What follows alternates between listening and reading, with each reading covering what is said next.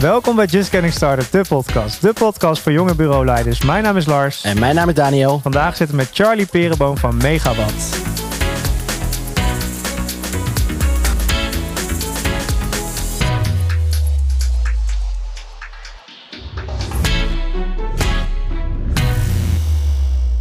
Goedemorgen. Goedemorgen. Goedemorgen. Leuk dat je bent, helemaal vanuit Eindhoven. Helemaal vanuit Eindhoven, Ja, ja. dankjewel. Eindhoven de gekste.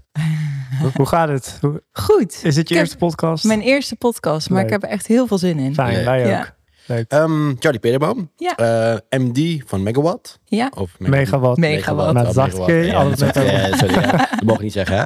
Ehm, je bent nu MD twee jaar, drie jaar? Anderhalf jaar. Anderhalf en Ja, jaar. Dat ja, is bijna ja. goed inderdaad. Ja. En je zit in het bestuur van de VIA. Ja, Dus klopt. daar hebben we ook samen veel contact. Omdat Ja. wij natuurlijk deze Ja. podcast onderdeel van de VIA en de adformatie. Ja. Even wat pluggen, Lars. Weet je wel. Mhm.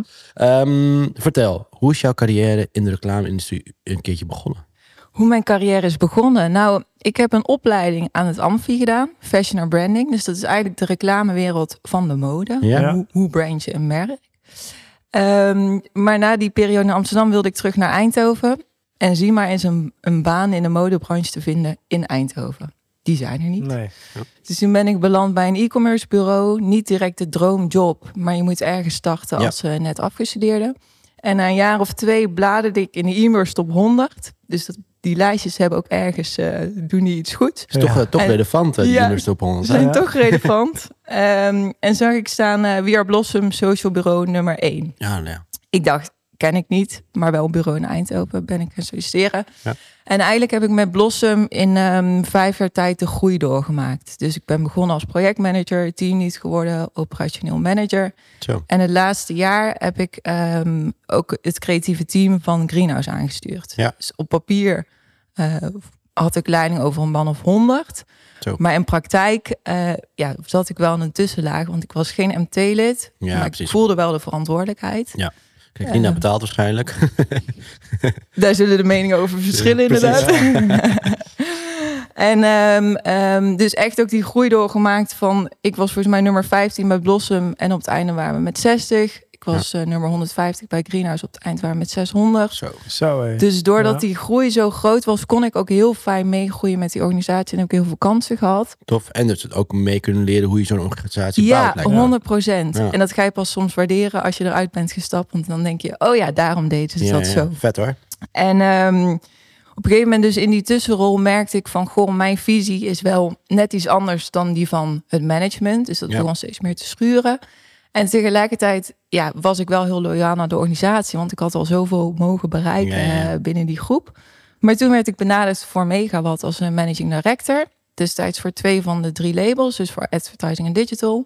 Ehm, en toen ben ik daar in gesprek gegaan en uiteindelijk besloten van nou, ik voelde wel wat voor om deze kleinere club aan te gaan sturen. Best Ja. spannend ook. Hoe groot waren ze toen? Eh, man op 50. Oké. Ja, en, en ik zou dan verantwoordelijk worden voor 30 man daarvan. Ehm, wel met het idee uiteindelijk ook field marketing erbij Ja. te gaan doen. Ehm, en toen dacht ik, nou, ik geloof er wel in, want mijn visie over hoe dat bedrijf, wat het nodig had Ja. eh, en wat die eigenaren wilden, dat kwam wel heel erg overeen. Vet. En toen dus anderhalf jaar terug die stap gemaakt. Ehm, dus eerst echt voor het creatief en digital label eh, aangestuurd. En nu sinds een half jaar ook veel marketing erbij. Ehm, dus nu de hele club. Group MD. Vet. Ja. Ja. Zoals het zo mooi heet. En hoe groot is die club nu? Ehm, nu zijn we man of 60. We hadden wel iets harder willen groeien. Ja. Maar ja. En je bent eigenlijk post-corona ben je begonnen. Eh, nee, dus anderhalf jaar terug nu. Ja, dus eh, ja, net een soort van... eh, Ja. Hoe lang is corona geleden? Twee jaar. Ja, sowieso Ja. toch? Ja, Ja. Dus net, Post, eh, Flink post, ja. ja, ja, ja. Nou, ik wil, voor de mensen die Megawatt misschien nog niet kennen. ehm, wat, wat doen jullie precies? Want het is, je Ja. zegt net branding, field marketing en, Digital en digital zijn Ja. best wel breed. Ja. Hoe komt dat? Ja, het, het, het leuke is, ehm, van origine zijn het echt drie losse BV's, dus Ja. drie losse bureaus. Ehm, maar een paar maanden terug hebben wij besloten om alles op één hoop te gaan gooien. Dus vanaf 1 januari gaan we door als één BV en Ja. als één groep. Gewoon één PNL dan ook, et Eén. PNL, et cetera. Eh, en wat wij zijn, wij zijn een 360 graden creative powerhouse. Mhm. Eh, wij zeggen we supercharge brands. Dus wij stoppen een, een hele hoop energie in een brand en te zorgen dat we het heractiveren. Ja. En in de breedste zin van het woord, dus van field marketing, dus sampling of offline activaties op festivals, eh, creatie, branding, eh, maar ook digital. Dus ook Ja. de, de CA, de social advertising, et cetera. Oké, dus je kan Ja. het er helemaal bedienen in principe Ja, voor zo'n ja. merk. en dat ja. maakt ons dus eigenlijk wel vrij uniek in de markt. eh, omdat wij off en online kunnen bedienen. Ja. En doe je dan ook media of dan niet echt? Nee. Nee, precies. Nee. media, dat uh, Ja. check. Ja, Ja. dat niet. Ehm, en we hebben ook bewust gekozen om het op één hoop te gooien. Omdat juist het uniek is dat we het allemaal onder één dak hebben. Ja, en dat precies. we met elkaar praten. Mhm. In plaats van dat we op alle mogelijke manieren een ingang hebben. Ja. Ehm, dus dat. Ja, en die drie BV, die- oké, er waren drie BV's en dat is nou eigenlijk dat is samen dan één groep gevormd. Ja. Of was het van begin af aan al zo? Was dat het idee er al achter? Ja, eh, grotendeels hadden dezelfde aandeelhouders. Maar dat is dus bij elkaar gevoegd. Ah, ja. ja. Ja. En, en wie zijn nou origineel de oprichters en zitten zij er nog in? ja, dus er zijn Stefan, dat is de CEO. Ja. Simon, de creatief directeur. En Richard, de commercieel. eh, Oké, en die zitten er allemaal nog in? Ja. Check. Oké, Ja. en dus jij geeft gewoon dagelijks leiding aan het bureau en aan Ja. al die 60 mensen? Ja. Tof hoor. Ja. Ehm, wat was afgelopen jaar je grootste uitdaging voor Megawatt? Oeh, is Het jaar is moeilijk. bijna afgelopen, hè? we zitten Ja. in november. Ah, ja, Ja. Ja, ik denk de combinatie van eh, we hebben best wel flinke groeiambities versus de dagdagelijkse werkzaamheden. Ja. Ehm, soms wil je harder gaan dan dat de realiteit eh, ja, Zeker. doet blijken. Ehm, dus dat is een, een, een uitdaging. Ja, je opteert op groei. Soms valt dat net iets tegen of gaat het trager dan je verwacht. Ja. En dan daarop bijsturen, dat is wel een Mhm. uitdaging. Ja. Ja. Fair enough. Nou, let's dive in dan. Laten we het daar maar over hebben.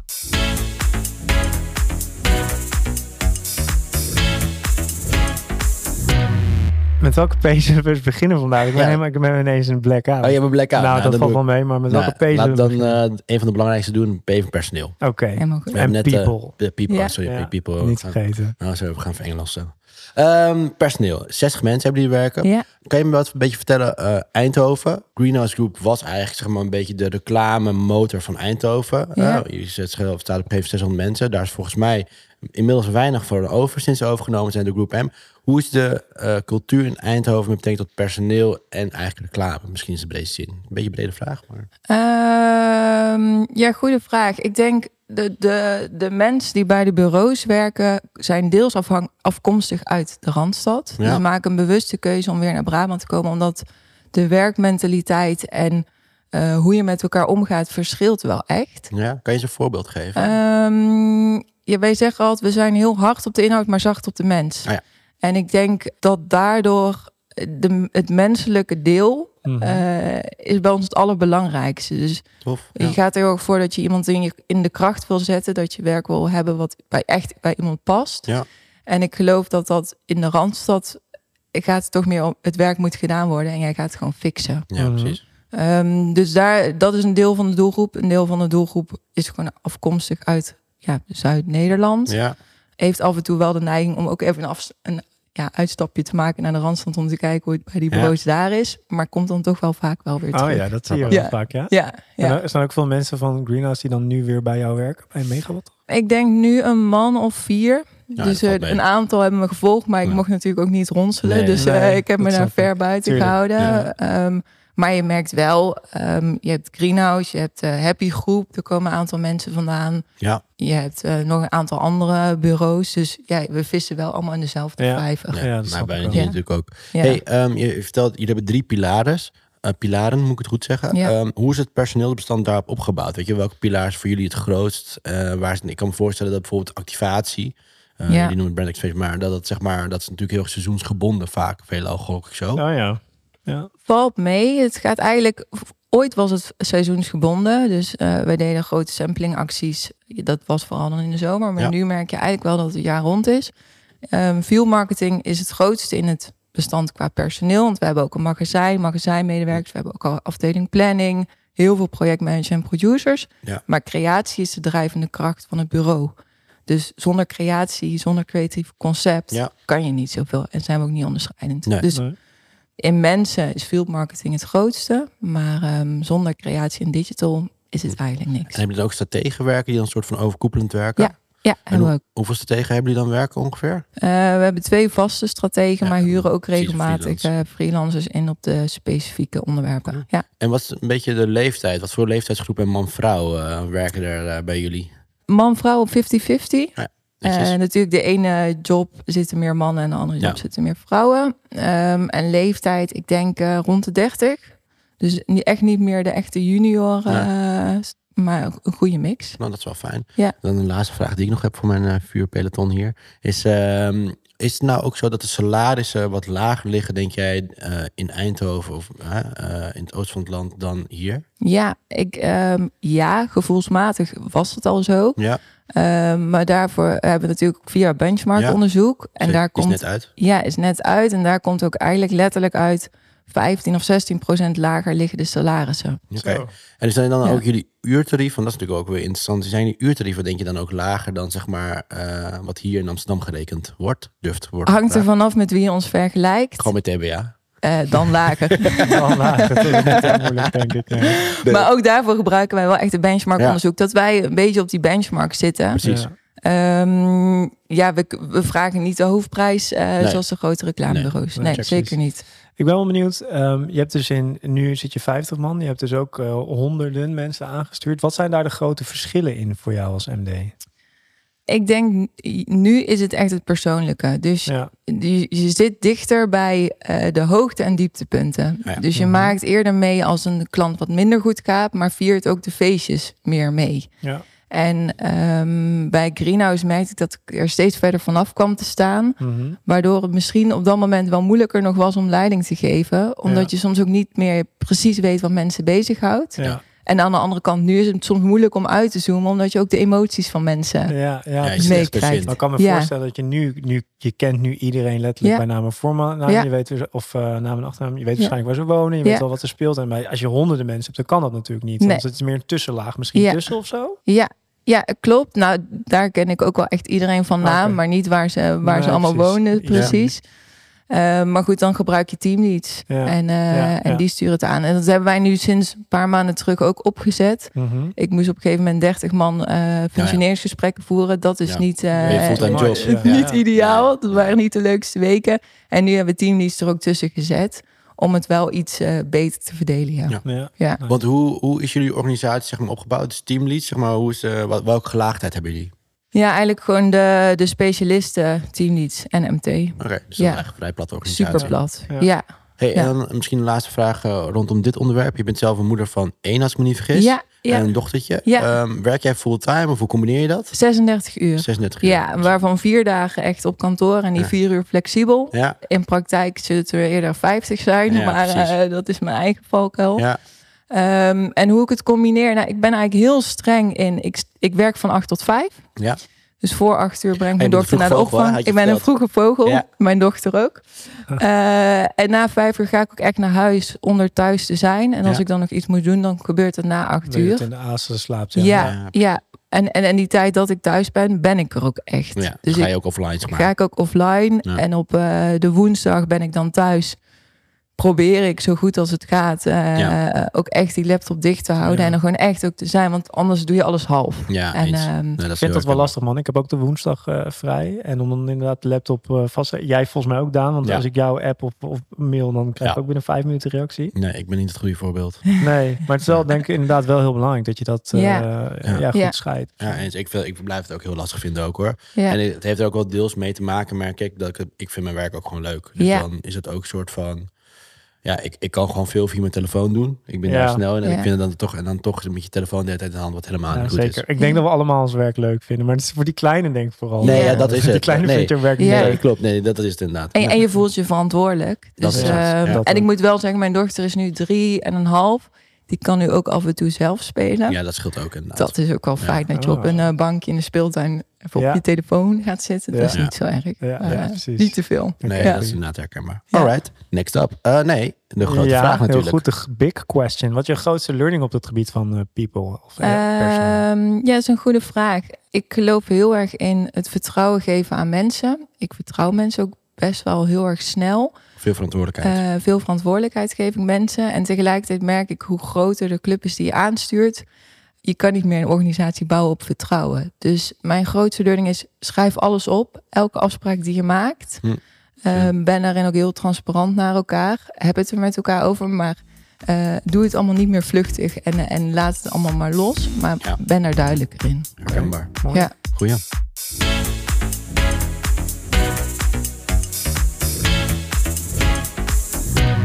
Lars, verrast op welke P ga je? We gaan naar de P van Poen. Ja, een van de leukere eh, P's. Hoe is jouw Ja. verhouding eh, met Poen? Hoe, hoe, hoe diep zit jij erop? Of hoe, Eh, tegenwoordig wel diep. Ehm, eh, in mijn tijd bij Greenhouse werd ik er vrij ver, zat ik er vanaf. Ja. Ik, wist, ik wist wel elke maand wat er onderaan de streep overbleef. Maar ja, had daar minder mee van doen. En nu heb je gewoon een bankrekening. Precies, en zit je veel dichter op die liquiditeit en die cashflow. En of een eh, factuur op tijd betaald wordt. ja.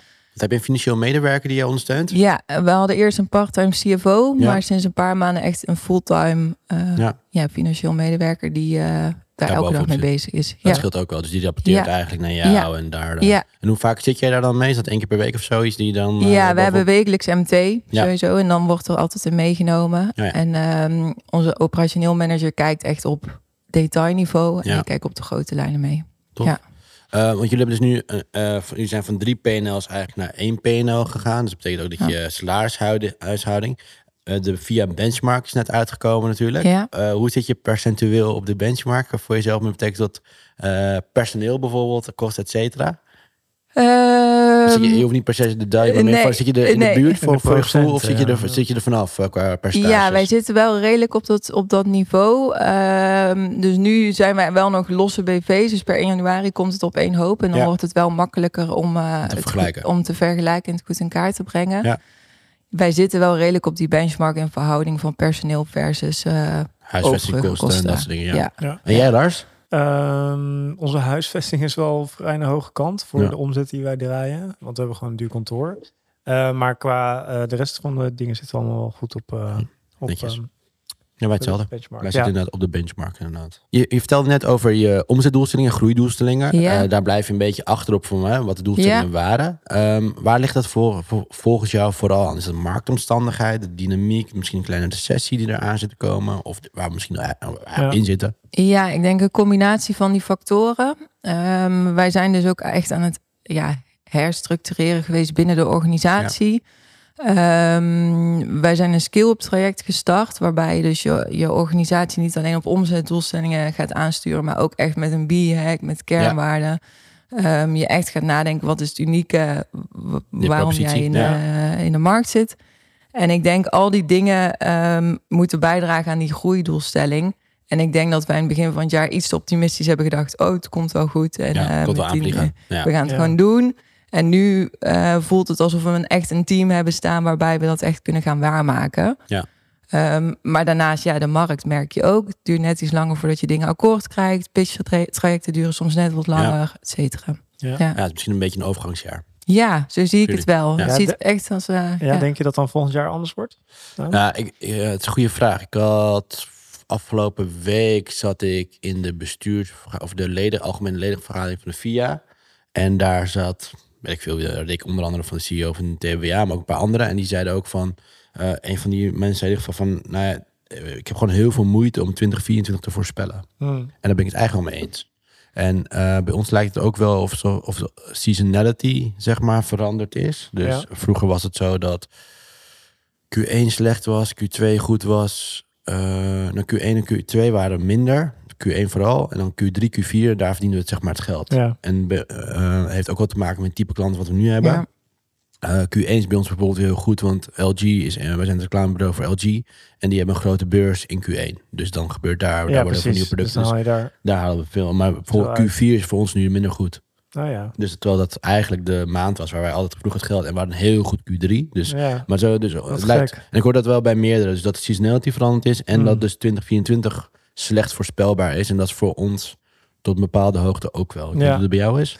Ehm, nou ja, 2023 is slechter dan ik had eh, gedacht. Of Ja. dat ik had voorspeld. En dat vooral dat we een heel slecht Q2 hadden. En daarna is het eigenlijk wel weer goed, eh, wel weer goed bijgetrokken. Maar dat werkt dan natuurlijk wel door in Ja. de rest van je jaar.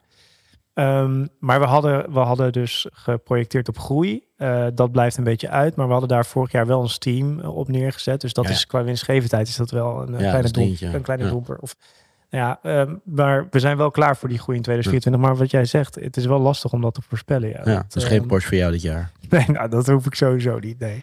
Maar nee.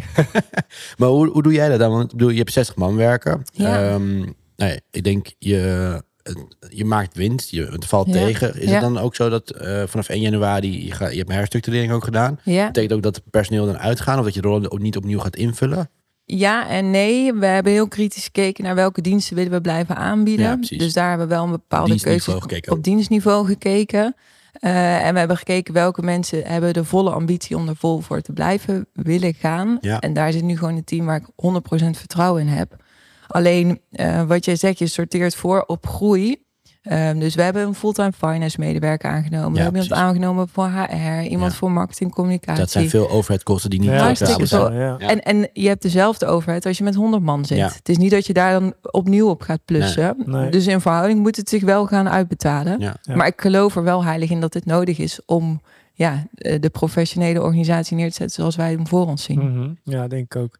Hebben natuurlijk bij Greenhouse eh, gezeten. Ja. Daar had je eigenlijk niet zoveel met de PNL te maken. Nu Klopt. wel. Hoe heb je dat jouzelf eigen gemaakt? Dat is best wel een ding. Ja, dat is Ja. best wel een ding en daar leer ik ook nog elke dag wel Ja. van. Ik moet ook zeggen, wij waren een organisatie die geen uren schreef. Oh ja, Dus mensen werden oh, dat heb je een aangenomen. keer verteld. Ja, ik, op, eh, bij de vorige Ja. eh, panel inderdaad. Mensen werden aangenomen op basis van gevoel en Mhm. hoe vol een agenda was. Ja. En dat is helemaal prima als het allemaal Goed eh, gaat. Als goed gaat. goed Ja. gaat, En ja. nu merk je in één keer, oké, we moeten wel Ja. daar echt strenger op gaan sturen. En daar hebben we ook echt nog stappen te zetten. Want dat Ja. lukt niet van de een op de andere dag. Kom je tegen koppelingen aan tussen systemen, et Ja, cetera. Maar ik vind finance wel heel prettig, want het is heel pragmatisch, er zit geen emotie achter. Dus af en toe kan ik ook ontspannen door in die cijfers te duiken en te denken, oké, hoe zit dit nou Ja, ja, precies? Als ik er de tijd voor heb. Ja. Ja. Het is grappig, ik ken, ik ken een mooie quote van eh Cockro. Dat bureau bestaat niet meer. Maar dat was echt wel een, eh, ja, een reclamebureau dat hard aan het groeien was. En ik ken Mhm. de eigenaren daarvan. Ja. Ehm, maar die zijn inderdaad ook roemloos ten onder gegaan. eh, exact om die reden. Dus eh, het ging supergoed, schreven nooit uren. Toen ging het opeens niet meer goed. En toen was het, oké, waar zit het lek? Ja, dat Ja. hadden geen flauw Ja. idee. En toen was het eigenlijk al het laatste soort van, Ja. even de korte versie. Hoe gaat dat dan? Dan- weet je gewoon niet waar... eh, Nou ja, weet je, dat, dat bureau moest het hebben van pitches. Dus Ja. die groeiden met zijn pitches. En ze hadden de wind mee, want ze hadden een goed model. Ja. Totdat ze de wind niet meer mee hadden. En ze wisten slecht de achterdeur dicht te houden. Dus klanten, Dus klanten die gingen weg. klanten kwamen net zo hard binnen als als ze weggingen. Oh ja. En als, als die balans op een gegeven moment zoek is, ja, dan moet je. eh, en Mhm. nu, weet je wel. Ja. En maar misschien daarop voortsorterend. Hoe ziet jou, want je hebt best wel veel verschillende, ehm, dat, diensten die je aanbiedt.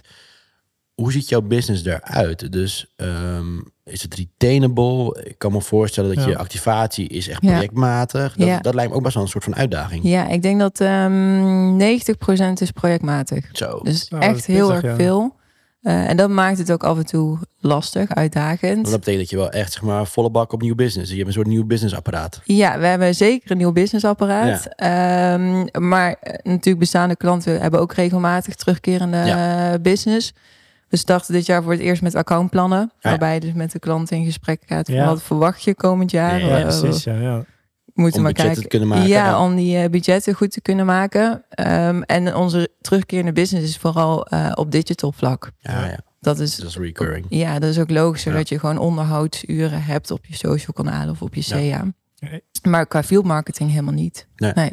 En merk je dan ook dat, eh, eh, dat je vooral bedrijven uit de streek hebt, zeg maar de regio. Dus dat, eh, dat ik kan me bijvoorbeeld voorstellen, ga ik maar, heel goed, Bavaria. je zeggen? Ja. Een Bavaria, die zal Ja. eerder bij een bureau uit Eindhoven aankloppen Ja. dan een bureau uit Amsterdam. Klopt dat? Ja, klopt. Ik, ehm, ik had het me nooit zo beseft totdat wij dus een, eh een account director uit Amsterdam kregen. Ja, eh, die dus twee keer per week naar ons toe komt en dacht, oké, ik kan ook wel redelijk veel in Randstad werken, want daar zitten veel klanten. ja, Dat viel best wel tegen. Ik denk dat eh, meer dan de helft zit in de regio. ja. Dus die kiezen ook bewust voor een bureau, ja, toch uit de zuidelijke regio. Dat is wel wat weer een voordeel. redelijk. Ja, Ja, dat is wat Linda toen van Fama ook zat. Hè? Ja. Zij die eh, natuurlijk op verschillende plekken zitten. Ja. ja. Ik wil nog één ding vragen over. We hadden het net heel kort over een accountplan. Waar jullie dus mee Ja. gaan starten. Wij doen dat ook. Ik ben ook benieuwd wat jij ervan denkt, Daniel. Maar oké, dus je gaat naar zo'n klant toe. En Ja. je vraagt van hoeveel, wat, wat denk je volgend jaar te gaan doen? Maar what's in it for them dan? Hoe, hoe, hoe, hoe pakken jullie dat aan? Is, of is het letterlijk de vraag van nou, wat, wat denk je volgend jaar bij, bij ons uit te gaan geven? Of geven we hun ook Ja. iets daardoor terug? Capaciteit. Of- ja. Ja. Dat, dat is wat, Ja. we, wat, wat we er dan eigenlijk tegenover zetten. Ja. ja. ja. En Ja. dedication. Ja. En dedication, ja. Ja. Ja. Ja. Nou, en eh, ik moet ook wel zeggen, sorry dat ik je daarop aanvul, maar wij hebben toevallig net zo'n gesprek gehad deze week, Ja. eh, waar ik zelf bij zat. Normaal doet onze MD dat, maar die is met zwangerschapsverlof. En ehm, ben jij nu MD? Eh, nou, ik ben het nu verdeeld over de andere Oh, partners. ja, dus dat, oké, ik, ja. heb een van die taken, dus dat op klantniveau ook. Maar ehm, kijk, ehm, een, enerzijds is het van, eh, wat verwacht je volgend jaar? Mhm. is het zeg maar, eh, krijg je van, nou volgend jaar gaan we van spreken, even heel gechargeerd, hè, eh, een miljoen doen. Dat bedrag krijg je niet zo te Tenminste, wij krijgen dat bedrag niet te horen. Ik weet niet Nee. hoe dat bij jullie is. Maar het is meer van, nou, we verwachten hetzelfde te gaan doen als dit jaar, zeg maar. We verwachten hetzelfde dit, we verwachten dat. Of we verwachten wel een uptake, of nee, we verwachten juist... We krijgen best wel een uitdagend jaar. We hebben minder budget toegekregen. Want nu is het wel het moment, zeg maar, om daar, Ja. tenminste als je gesloten boekjaar hebt op 1 januari, om dat eh, gesprek aan te gaan met je klant. Dus de budgetten worden, zijn nu gereserveerd. Ja. Dus ze weten en ze weten ook ongeveer wat nu de verdeling is. Dus daardoor hebben ze wel een indicatie van eigenlijk heel plat van we verwachten hetzelfde, minder of meer. En, en teken je dan ook daarop? Dus stel zeg, nou een miljoen hebt, dat je Nee. daar, nee, dat niet? Nee, krijgt, eh, kijk, eh, met onze grote klanten hebben we gewoon een contract. Daar zit een soort retainable business, is het daarin vastgelegd. Ja, Maar ook dat is natuurlijk heel fluïde. ja, Ik kan je een mooi voorbeeld daarvan geven. Ehm T-Mobile, ja. Die bestaat niet meer. Dat is Oh, een van de, precies, dat is een van de grote. Dat weten we nu dus, allemaal. Ja, Dood dus wij hebben, ehm, wij hebben nou, wat op zich goed is, dankjewel Lars, dankjewel. Ja. Eh, wij hebben daar natuurlijk eh, meerdere jaren contract mee, wat heel fijn is. En daar staan retainable eh, afspraken in. Alleen ze zijn van twee naar één merk gegaan. Mhm. Ja, dat gaat, Ja. daar wordt het contract niet zomaar op aangepast, Nee. weet je wel. Dus dat is niet zeg maar, dus die zekerheid. En ik ga niet gelijk bellen van, hé, hey, je bent van twee naar één merk gegaan, maar we verwachten wel dat je er evenveel gaat doen. Ja, zo werkt de wereld niet natuurlijk, weet je wel. Ik vroeg Niet. me dat nog af over dat Odido-verhaal. Van wa- waarom gaan ze naar één merk? Dat is toch om, om meer marketingbudget op één ding te kunnen zetten, lijkt mij, of niet? Nee, het is een aandeelhoudersbesluit Oh. geweest. Ehm, de licenties op beide, zo simpel is het, op beide merken loopt het begin van Oh, het jaar ik af. dacht gewoon, het is gewoon om een beetje overhead en zo Nee, Dat- uiteindelijk ook wel. Misschien, ja. dat. Maar ehm, even terugkomend. eh, ja, zo werken onze accountgesprekken. Herken jij dat ook? Ja, herken ik wel. Bij ons is nu ook, wij stuurden het echt aan uit, uit die losse bureaus. Ja. Dus we hadden iemand van field marketing die field marketing verkocht. Ja, ja. Iemand van digital voor digital. En nu zit voor onze meerwaarde in, oké, we zijn voor eh, eh, Coca-Cola het field marketing bureau. Zijn er ook nog kansen voor andere diensten Ja, die wij die, leveren? die je kunt uitbreiden. Ja. Oh, ja, dus dat is ook een van de hoofdredenen waarom wij het willen gaan doen. Om Ja. met elkaar dat gesprek ook te voeren van kunnen wij ook 360 graden voor jullie werken? Dat vind ik wel een interessante, want eh, mijn ervaring is, ik ben heel benieuwd hoe jouw ervaring is. En volgens mij heb jij die ervaring ook, want daar hebben we het ook eerder over gehad. Is dat als jij vanuit field marketing bij een klant binnenkomt en je wil zeg maar hoger in de food chain komen, in Ja. de keten, dat dat heel lastig is. Naar beneden toe is makkelijker dan naar boven toe. Oh. Merk jij dat ook? Dus zeg maar, Ehm, laat zeggen van, je, je bent nu als field marketingbureau bij Coca-Cola binnen, maar je wil ook de Ja. campagnes gaan ontwikkelen voor out of home, I don't know, weet je wel, voor digital. Is dat ze je toch blijven zien als een eh, field marketingbureau? Ja, ik denk dat Coca-Cola is daar een, inderdaad een voorbeeld bij eh, van. Die zitten bij WPP, dus daar Oh ja. zal weinig eh, verder te halen vallen. Ik denk dat het helemaal afhankelijk is van hoe groot de brand is. Eh, we werken ook voor een mediamarkt waar we veel marketing combineren met eh, online games. Ja, precies. Dus soms zijn het ook op projectmatig niveau zijn er wel heel veel kansen voor andere diensten. Ja. Maar wij zullen nooit het digital bureau van, van Mediamarkt worden. Nee, precies. Dus ja en nee. Ehm, ik merk op field marketing zit wel een enorme groei. Dus die offline activaties worden wel steeds als belangrijker gezien. Ja. Waardoor je wel met de juiste mensen aan tafel zit. Mooi antwoord op je vraag. We, gaan, we, zijn, we hadden het dus over Poen. We hadden Ja. het nog steeds Ja, over. We gaan, naar de, dadelijk we gaan naar de grootste learning, denk ik, over Poen. Wat is je grootste learning?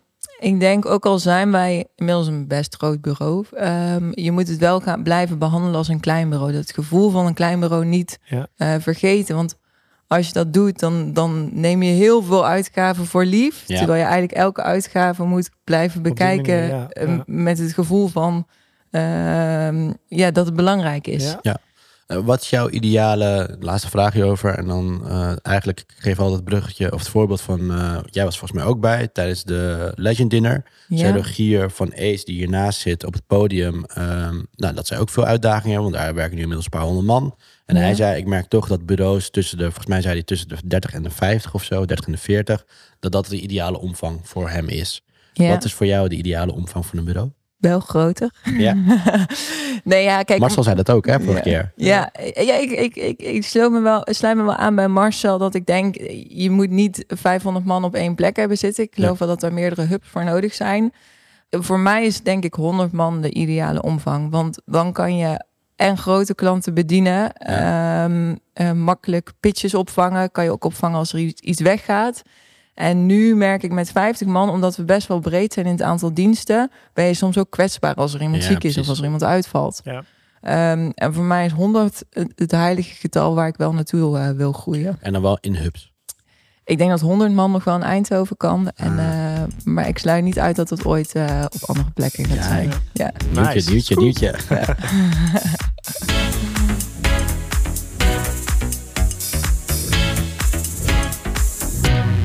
Dan gaan we naar de P van pitches. Daar gaan we eens even naartoe. ja. Ehm, hoe is het daarmee? Zitten jullie nu in pitches? Eh, wij zitten in twee grotere pitches, ja.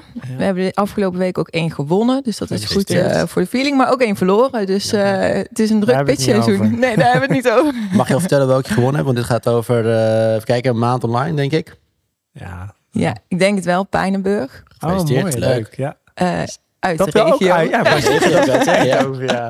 Appel en Pijnenburg, leuk. Ja, wat goed. ja, en wat gaan ja. jullie dan, eh, wat, wat, wat, wat vraagt zo'n eh, Ja. merk wat bij jullie komt voor pitches vanaf jullie? Ehm, daar worden we gewoon het bureau. Dus Ja. eh, 360, eh, strategie, creatie, eh, concept, eh, offline en online activatie. Tof. Vet. Ja, ja. Heel leuk. Ja. Maar dat lijkt me inderdaad ook wel lastig in jullie wereld. Is dat, of, zeg maar, in, omdat jullie zoveel verschillende diensten hebben. Ja. Betekent dus volgens mij ook impliciet dat je gelijk ook heel veel verschillende soorten pitches hebt. Van activatie, pitches tot aan, nou, merkstrategisch, Ja. tot aan alles tussen digital. Ja, ja ehm, ik moet ook zeggen, voor field marketing werkten we echt voor de grote aanmerken. Dus Ja. field pitches. Voor digital, eh, voor de BNC-merken. Ah ja. En nu daarom hebben we ook voor gekozen. We gaan alleen nog voor die grotere merken, waarbij ze meerdere diensten gaan afnemen. ja, precies. Dus puur iemand die alleen eh SEA wil, dat gaan we gewoon niet meer doen. Nee. Er moet een bepaalde potentie in zitten dat meerdere.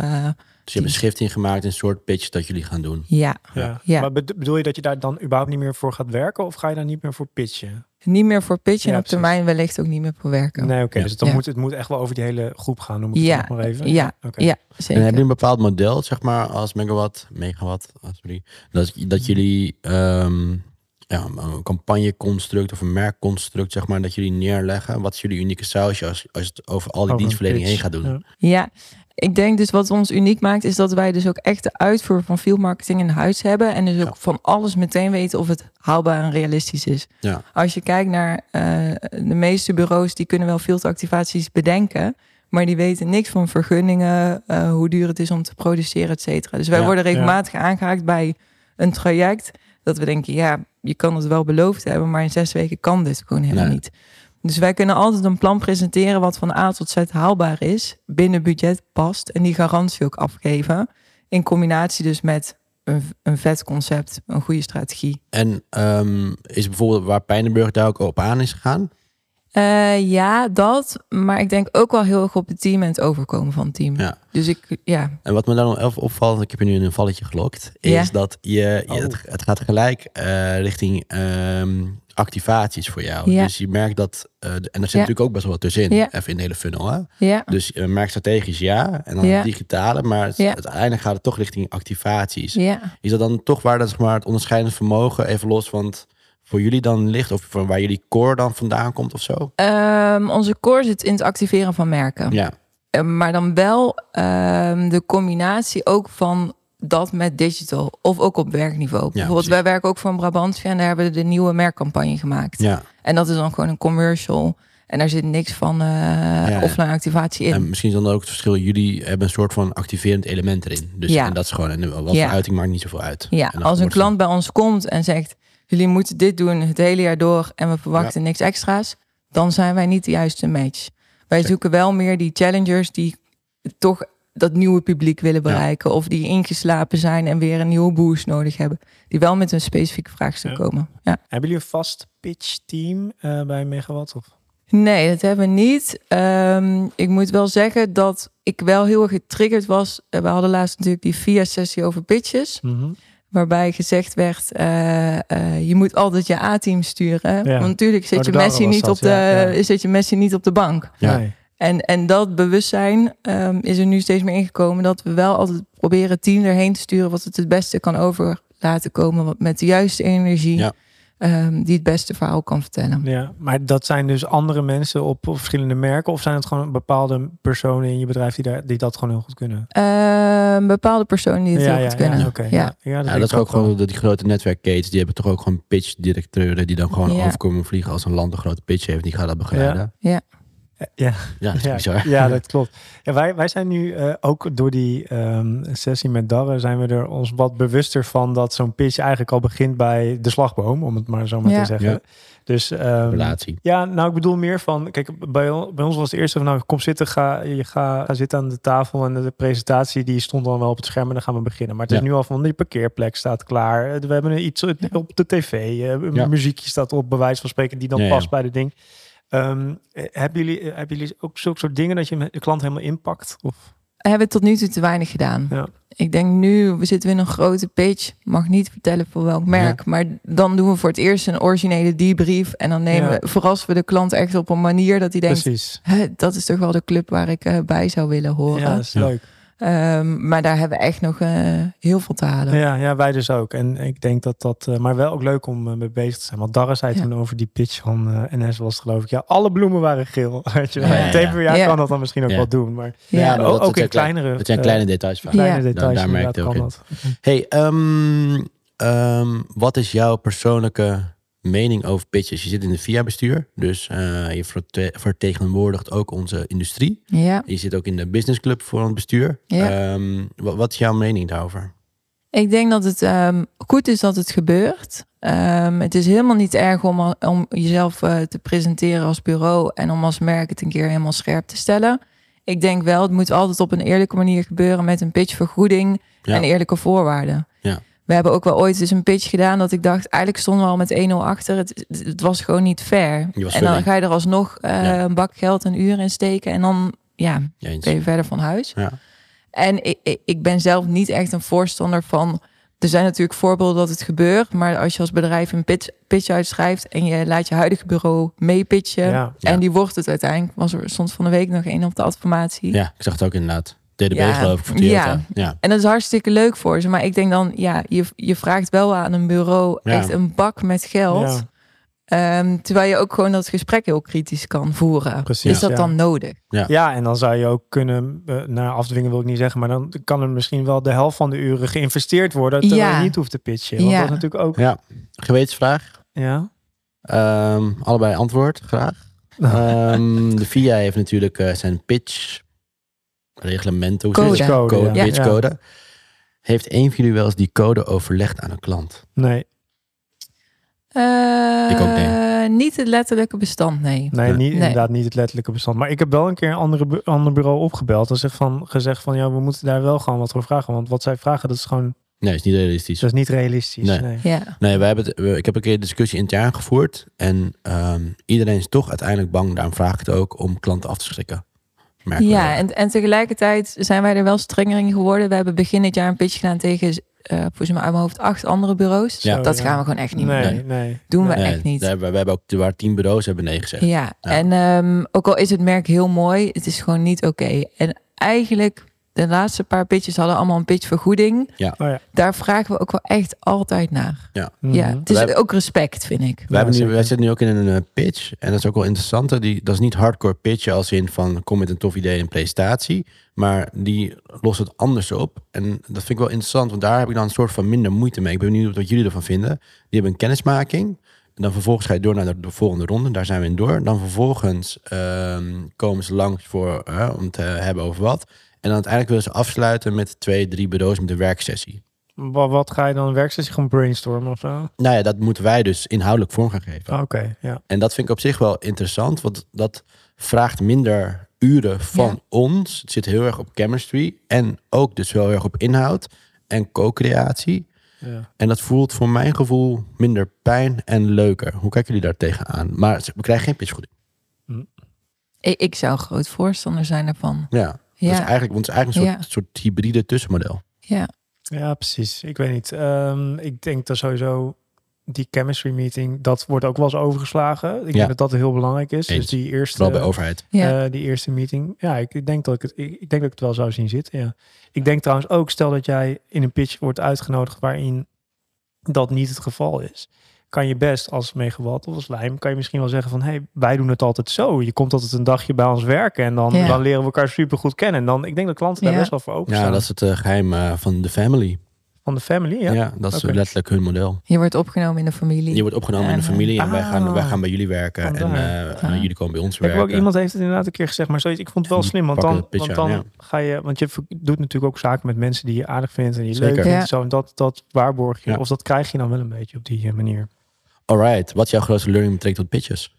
Ja, dat het uiteindelijk niet eh, gaat over het idee met precies dat juiste plaatje erbij, maar dat het veel meer gaat over overkomen, over klik, over Ja. Met elkaar die band opbouwen. En daar ben ik ook zo'n voorstander van eh, wat jij net schetst. Soms kunnen wij avonden doorwerken om die perfecte slide te maken. ja. Terwijl eigenlijk schiet het dan zijn doel voorbij. Ja. En ga je daar op die pitch helemaal niet winnen. Ja. Eens. Ben je goed. zelf trouwens nog wel eens bij pitches of niet? Af en toe. Af en toe. Ja, af en toe. Is het dan belangrijk om als MD zijnde je gezicht te laten zien? Ja, dat Denk is dan wel. eh, de rol, ja. Ja, Ja, wel, ja, hè? ja, Ja. ja. Ja, grappig, dat hebben wij dus ook. Wij, Ja. hebben dus ook, wij halen onze MD's nu eh, eh, met zwangerschapsverlof, maar die gaan we even van zwangerschapsverlof van stal halen om haar gezicht te laten zien. Oh, echt? Zeker. Dat vindt ze zelf ook oké. Ja, dat vindt ze zelf helemaal Oké, leuk hoor. nou, en dan het, zit al, het gaat bijna alweer werken, maar meer van, ja, volgens mij is dat ook gewoon belangrijk. Ja, dan laat je ook zien dat je het serieus neemt. Absoluut. Soms Ja. voor de diversiteit. Ja. Kan ook nog. Oh ja, omdat je drie, drie We, we doen zelf, we doen zelf nog een schepje bovenop, ze Ja. neemt een nieuw dochtertje mee. Ja, oh ja. Ja, We zetten ja. alles in. Wat is dit voor prenatal? We zetten alles in, jongen. Wacht maar.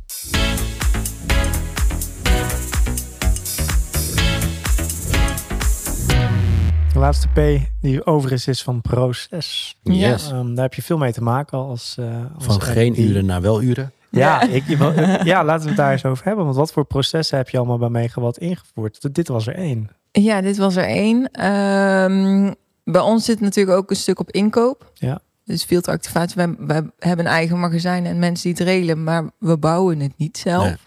Ehm, dus die processen zijn echt van A tot Z helemaal dichtgetimmerd. Ja. Eh, wij, wij- wij zeggen nooit iets toe wat gewoon niet kan. Maar natuurlijk een digital proces weer helemaal anders. Dus we hebben heel veel. Het is altijd maatwerk en dat Ja. maakt het soms ook moeilijk. Je wil altijd het beste proces volgen, maar soms weet je het proces ook niet van A tot Z. En eh, dat hebben wij ook, maar wij merken ook dat er gewoon toch veel maatwerk is. Maar hoe, hoe, wat is jouw gouden tip misschien wel om niet elke keer weer het wiel uit te vinden? Want daar lopen wij bijvoorbeeld, wij zijn net Ja. gefuseerd, dus wij zijn nu weer, hè, terwijl we al best wel goede dingen op orde hebben. Hoe Ja. zorg je ervoor dat je niet elke keer het wiel opnieuw uitvindt? Een ijzersterke kick-off. Ja. Dus eh dat gaat vooral over verantwoordelijkheden bepalen. Wie pakt welk deel en pakt daar de eindverantwoordelijkheid. Ja. Want we zijn ook wel eens in de situatie beland dat iedereen elkaar een beetje aankeek van... Ja. Zou jij het ook doen? Ja. Zou jij het ook doen? Ja. Ja, dat is een hele Ja. goede inderdaad. Ja, hey, en jullie gebruiken grip geloof ik, hè? had Ja. je een keertje verteld. Ehm, dus jullie zijn gaan uren schrijven. Hoe, hoe heb je dat eh, door de organisatie heen gekregen? Eh, het belang van uren schrijven. Waarom is het zo belangrijk dat mensen uren schrijven? En Dus- Doe je dat tijdens meerdere sessies dan of zo? ja, Want- ja, echt gewoon sessies over ja, de achterliggende gedachten. Dat we het niet doen om mensen te controleren. Ja. Maar Mhm. dat de gedachte is dat we onze uren goed betaald krijgen. Want als je het niet schrijft, weet je ook niet of die 50 uur die je begroot hebt, of die gemaakt wordt, of dat het de dubbele is. Ja. Ehm, en daardoor dus meer waarde toe te voegen aan het werk wat je eigenlijk doet. Ja. Maar ik moet wel zeggen, de ene persoon is er beter in dan de ander. Een digital specialist is van zichzelf al heel erg ehm, Ja. daarmee bezig. Ja. daarmee Ja. bezig. Een activatie. En een eh, creatief, ja, ehm, daar is het iets wat niet in de Ja. natuur zit. snap Nee. ik. Hey, en sluiten jullie eh, schrijven jullie Schrijf sluitend uren? Hoe bedoel je sluitend? Dus dat eh, eh, ik werk eh, op een dag eh, vijf uur voor een klant en de overige drie uur eh, schrijf ik op intern, zeg maar. Ja, Ja. je bedoelt als je, ja, precies. Als je Ja. 40 uur werkt, dat je ook 40 uur schrijft. ja, ja. dat wel. Ehm, bij creatieven zeggen we ook, we plannen zeven uur. Ja. Want je kan niet acht uur gepland worden. Nee. Want Nee, dat precies. werkt gewoon niet. Maar Maar zeven uur meer wordt dat je wel daar een eerlijk getal uit Ja. krijgt van hoe eh Ja.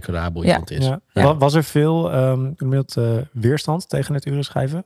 Ehm, ik denk dat iedereen het snapt. Maar om Ja. het vervolgens in je systeem te krijgen is een tweede. Ja. Ja. Ja, Ja. dat is lastig. En helemaal, want jullie waren er met 50 mensen. Dat Ja. is best wel Ja. wat om... eh, te Nou, en je merkt, wat ik altijd grappig vind, is dat je met nieuwe medewerkers, die hebben een soort van geen, keus. Ja. En die gaan er automatisch Ja. mee. Voor Ja, nieuwe medewerkers precies. geen probleem, maar Ja. voor bestaande medewerkers zit al eh, de hele wereld is veranderd. Ja, en ook mensen die van andere bureaus komen. Bijna Ah, ja. ieder bureau schrijft uren. Dus die zijn er inderdaad aan gewend. Ja, die snappen dat wel Ja. inderdaad. Ja. Wat is de grootste optimalisatie, even los van uurschrijven, die je dit jaar hebt weten door te voeren in je organisatie? Oeh, dat is een moeilijke vraag.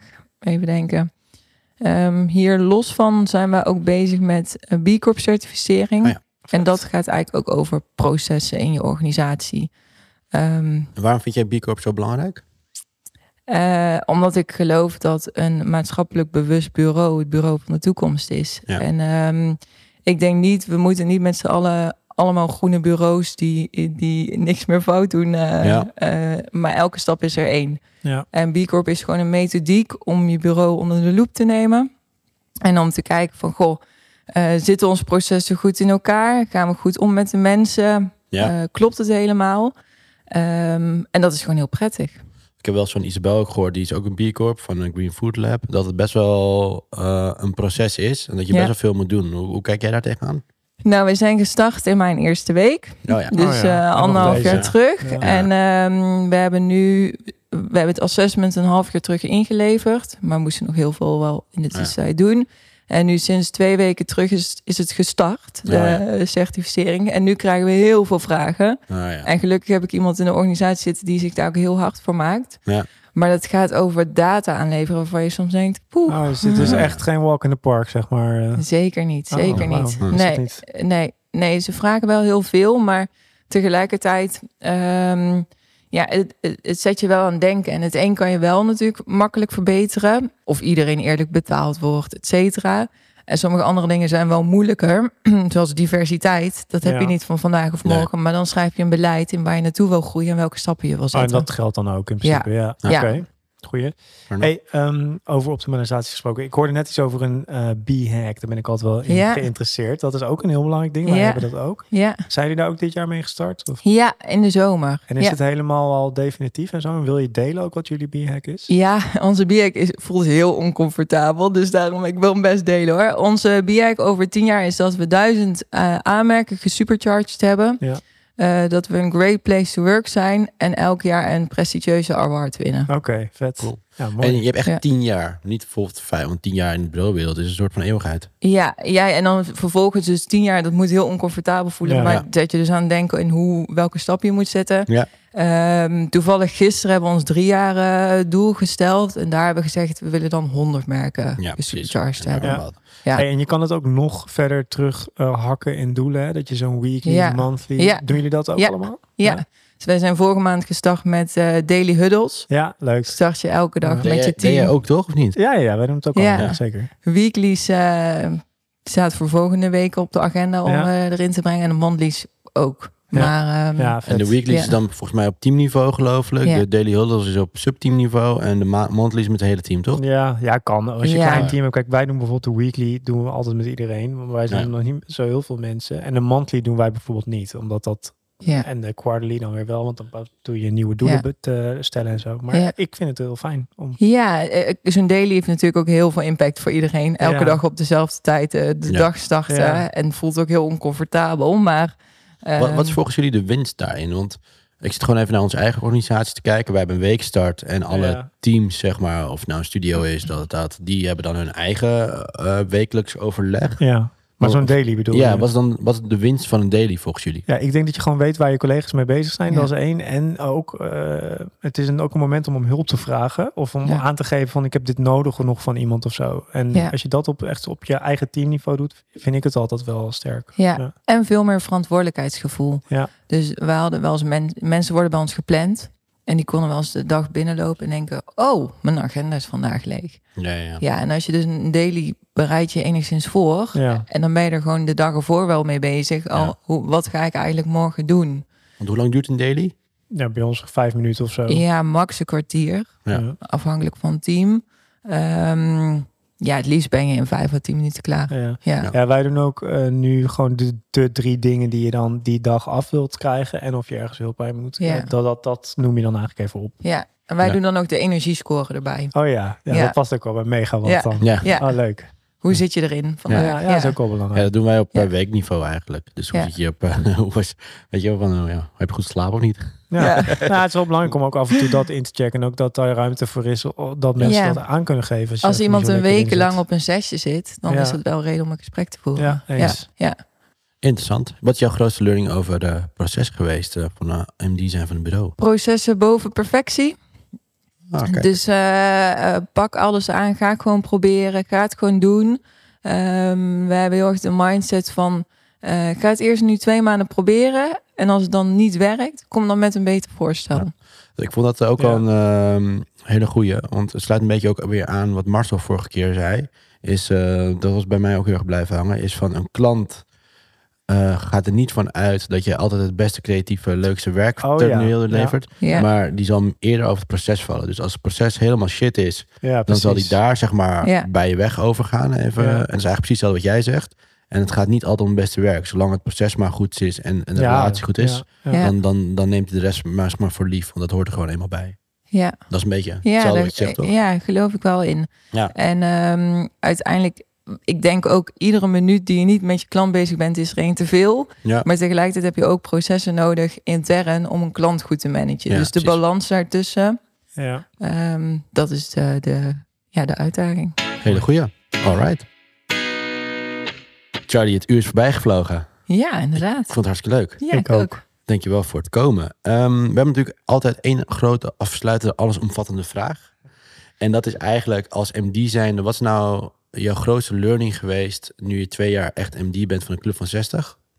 Je zat daarvoor bij een club van 300, maar was je meer leidinggevende. Nu ben je echt eindverantwoordelijk met eigen PNL. Nou, je finance moest je leren. Je, bent, je hebt eh, proces aangebouwd. Je wordt binnenkort nog een keer B Corp. Nou, te veel om op te noemen. Ja, Wat is nou je allergrootste learning geweest waarin je jezelf ontwikkeld hebt? eh, die hangt eigenlijk samen met wat ik net zei over proces. Elke stap vooruit is er één. En het hoeft niet altijd meteen perfect te zijn. Ik ben zelf een enorme streber die ehm, altijd een perfectionist. Nou, ik wil altijd voor het beste gaan. En ehm, ik voel me zo verantwoordelijk voor alles en iedereen. Ja. Maar je kan niet altijd alles meteen goed doen. Nee. En ehm, durf daarin ook fouten te maken. Durf ervoor uit te komen. Ik, Ja. ik, ik geef heel vaak toe aan mensen, dit heb ik niet goed gedaan. Vraag veel, heel vaak feedback. Het kan ook niet altijd meteen perfect zijn. Nee. Ik denk dat is ook een les die ik uit het vierbestuur heb gehaald. Ik kon bepaalde bureaubazen altijd heel erg ophemelen. En Ja. denken, dat is echt mijn droom. Die doet alles helemaal geweldig en perfect. Die doen soms ook maar wat. Ja, precies. En die lopen tegen dezelfde dingen aan. En ehm, eh, door het samen met elkaar over te hebben, kom je uiteindelijk verder. Ja, en volgens mij is het ook wel daar voortborduren, wat ik heel erg maar is af en toe gewoon durven los te laten. Ja, Want als je, inderdaad, ik ben ook best wel een streep en ik wil ook alles zeg maar heel goed doen en compleet. Maar dan gaat het eigenlijk tegen je werken omdat het heel veel moeite en energie kost. ja, Terwijl als je het soort van zijn beloop laat gaan of nou, die verantwoordelijkheid bij die legt, dan Ja. gebeurt het vaak net zo goed of misschien wel beter. ja, klopt. En dat is een beetje volgens mij hetzelfde. Ben je Ja. het daarmee eens, Lars? Ja, zeker. Mooi. Ik vind het een mooie afsluiten. Vooral dat zij, zij doen ook maar wat. Ja, dat is ook gewoon Ja. zo. Ja, zeker Ja. weten. En, en Ja. mooi dat we afsluiten met ehm, dat we inderdaad door met elkaar te praten, dat we van elkaar leren. Niet allemaal Ja. opnieuw het wiel hebben uh, hoeven uit te Ja. vinden. Want dat is natuurlijk ook de reden waarom we hier zitten. Ja, en daar ook soms best eerlijk over moeten zijn. Ja, als het af en toe pittig is. Hè? Helemaal eens. Ja, Ja, vooral het openheid is denk ik een hele belangrijke, vooral Ja. in deze nieuwe wereld. Charlie, thanks eh, voor vandaag. Superleuk je te spreken met over jou en eh Megawatt eh, te weten te komen. En we kijken uit naar je B Corp. ja, Ja, dankjewel. zeker. Vond het heel erg leuk. Thanks. Thanks. Dit was Just Getting Started, de podcast. De podcast voor jonge bureaudirecteuren. Bedankt voor het luisteren. Deze podcast wordt mede mogelijk gemaakt door de Adformatie en de VIA. Tot de volgende.